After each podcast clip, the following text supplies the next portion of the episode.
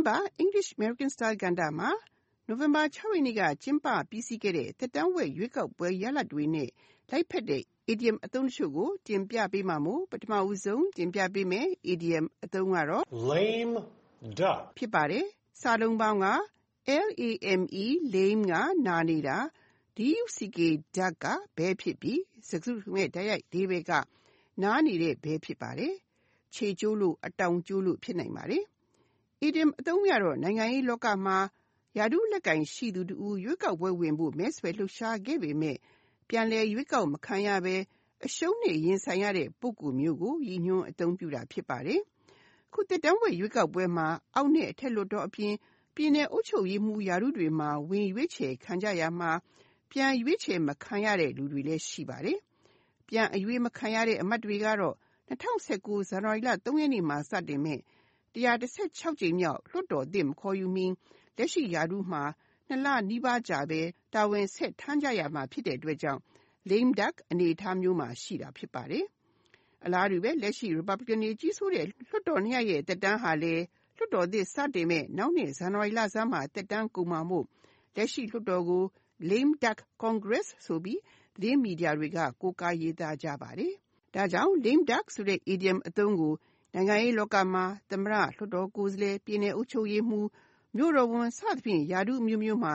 သက်တမ်းကုန်ဖို့ အချိန်ပိုင်း လပိုင်းအလို ရှိနေတဲ့ ပုဂ္ဂိုလ်တွေကို ရည်ညွှန်းသုံးတာ ဖြစ်ပါတယ်။ဒီ lame duck ဆိုတဲ့အသုံးဟာ စီးပွားရေးလောက က ဆင်းသက်လာတာ ဖြစ်ပါတယ်။ London Stock ဈေးကွက်မှာ stock ရှုံးလို့ အကြွေးပြန်မဆပ်နိုင်တော့တဲ့ ရင်းနှီးမြှုပ်နှံရှင်တွေကို ရည်ညွှန်းပြောရာကနေ နိုင်ငံရေးလောကထဲ ရောက်လာတာ ဖြစ်ပါတယ်။တကယ်ဆို လက်ရှိရာထူးမှာ ဆက်လက်တာဝန်ထမ်းဆောင်ဖို့ ရက်အကန့်အသတ်ပဲ ကျန်တော့တဲ့ ပုဂ္ဂိုလ်တဦးရဲ့ လုပ်ပိုင်ခွင့်ဟာ သိပ်မရှိတော့တဲ့အတွက် အတောင်ကျိုးလို့ မပြန်နိုင်တော့တဲ့ ငှက်လို ခြေနာလို့ ခရီးကို ထော်ကျိုးထော်ကျိုးနဲ့ ဆက်လျှောက်နေရတဲ့ lame duck ပုံရိပ်မျိုး ဖြစ်ပါတယ်။တနည်းဆိုရင်တော့ လက်ရှိရာထူးမှာမိစာကုံစီခန်းနဲ့ အခြေစိုက်တာ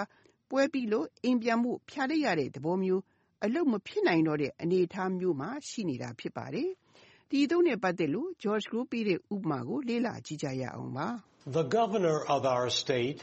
ended up as a lame duck when he lost in the elections. ကျွန်တော်တို့ပြည်နယ်အုပ်ချုပ်ရေးမှူးကရွေးကောက်ပွဲမှာရှုံးနိမ့်သွားတဲ့အတွက်အတောင်ကျိုးတဲ့ငှက်ဘဝရောက်နေရှာပြီလို့အဓိပ္ပာယ်ရပါတယ်။ဥပမာကိုနောက်တစ်ခေါက်လေ့လာကြည့်ကြရအောင်ပါ။ The governor of our state ended up as a lame duck when he lost in the elections. ခုဆက်လက်တင်ပြပေးမယ် idiom အသုံးကတော့ Golden parachute. ဖြစ်ပါတယ်။စာလုံးပေါင်းက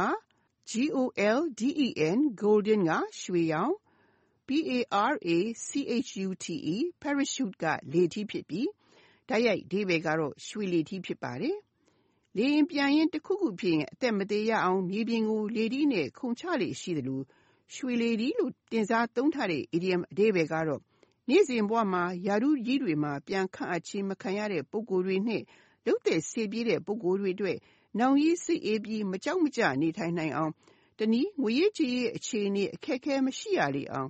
အထက်က ကြည့်ရှုဆောင်မပေးတဲ့သဘော ဖြစ်ပါတယ်။တခါတရံနဲ့တချို့ပုဂ္ဂိုလ်တွေက စီးပွားရေးလုပ်ငန်းကြီးတွေ ဥပဒေလုပ်ငန်းတွေမှာ အကြံပေးတွေ အမှုဆောင်အရာရှိတွေဖြစ် ပြန်ပြီး ခန့်အပ်ခြင်း ခံခဲ့ရတာတွေလည်း ရှိပါတယ်။ဒီနည်း ရွှေလေဒီဟာ အကြကောင်းအောင် အကြတက်တာအောင် ပံ့ပိုးပေးတဲ့ အထူးခံစား권သဘောမျိုး ဖြစ်ပါတယ်။ ဒီအသုံးနဲ့ ပတ်သက်လို့ George ကပေးတဲ့ ဥပမာကို လေ့လာကြည့်ရအောင်ပါ။ Congressman Smith lost in the election, but he got a golden parachute. He was offered a vice president post at a big company in New York. အောက်လွှတ်တော်အမတ် Smith ဟာရွေးကောက်ပွဲမှာ ရှုံးနိမ့်သွားခဲ့တယ်။ဒါပေမဲ့လို့ သူကတော့ အကျကောင်းတယ်။နယူးယောက်က ကုမ္ပဏီကြီးတခုမှာ ဒုတိယဥက္ကဋ္ဌရာထူးကို ကမ်းလှမ်းခြင်းခံရတယ်။(၂) ဦးမောင်နောက်တစ်ခေါက်လေ့လာကြည့်ကြရအောင်ပါ Congressman Smith lost in the election but he got a golden parachute he was offered a vice president post at a big company in New York ခုနောက်ဆုံးတင်ပြပေးမယ် idiom အသုံးကတော့ wake up call ဖြစ်ပါတယ် W A K E wake you be up wake up ka ayaga nura C A L L call ကဒီနေရာမှာတယ်လီဖုန်းခေါ်တာဖြစ်ပြီးစကားခွင်ရဲ့ဓာတ်ရိုက်အဓိပ္ပာယ်ကတော့ လူတစ်ယောက်အိပ်နေတာကိုနှိုးဖို့ တယ်လီဖုန်းခေါ်တာ ဖြစ်ပါတယ်။ဒီအသုံးကတော့ ဟိုတယ်တွေမှာ တည်းခိုကြတဲ့ ဧည့်သည်တွေအနေနဲ့ မနေ့စောစော နှိုးစီခြင်းရင်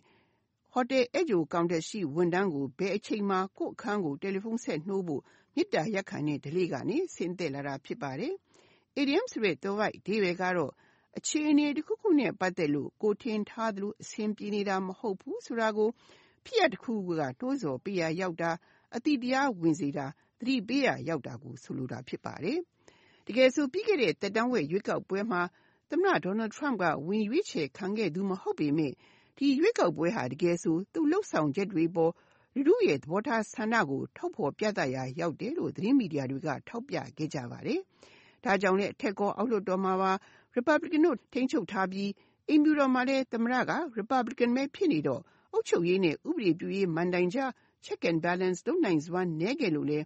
သမ္မတကသူလုပ်ချင်တာလုပ်နိုင်ဖို့လွယ်ကူတဲ့အပြင်ခပ်ကြမ်းကြမ်းခပ်ရမ်းရမ်းပြောဆိုရေးသားမှုတွေလည်းရှိခဲ့ပါတယ်။အခုသက်တမ်းဝက်ရွေးကောက်ပွဲမှာအမေရိကန်လူထုကစံချိန်ကျိုးမဲထွက်ပေးခဲ့ကြပြီးဒီမိုကရက်တွေကအောက်လွှတ်တော်မှာအမတ်နေရာအများစုရလိုက်တာဖြစ်တဲ့အတွက်အခြေအနေဟာ2020မှာကျင်းပမယ့်သမ္မတရွေးကောက်ပွဲမှာသူပြန်အနိုင်ရမယ့်အလားအလာမှာစိုးရိမ်စရာရှိနေတဲ့အတွက်ဒီသက်တမ်းဝက်ရွေးကောက်ပွဲရလဒ်ဟာ သမ္မတ Trump အတွက် wake up call ဖြစ်တယ်လို့ ဆိုကြပါတယ်။အလားတူပဲ Texas ပြည်နယ် ရွေးကောက်ပွဲတွေမှာလည်း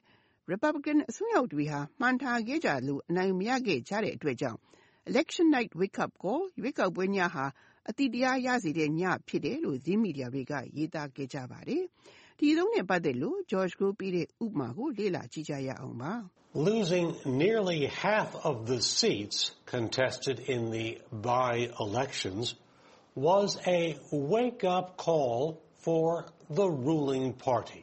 ကြားဖြတ်ရွေးကောက်ပွဲမှာဝင်ပြိုင်ခဲ့တဲ့အမတ်နေရာတဝက်နီးပါးကိုဆုံးရှုံးခဲ့တာဟာအာဏာရပါတီအတွက်စိုးရိမ်စရာအခြေအနေဖြစ်တယ်ဆိုတာကိုသတိပေးရာရောက်တယ်လို့အဓိပ္ပါယ်ရပါတယ်။ဥပမာကိုနောက်တစ်ခေါက်လေ့လာကြည့်ကြရအောင်ပါ။ Losing nearly half of the seats contested in the by-elections was a wake-up call for the ruling party. ဒီသတင်းပတ်ကျင်ပြခဲ့တဲ့ idiom အသုံးတွေကတော့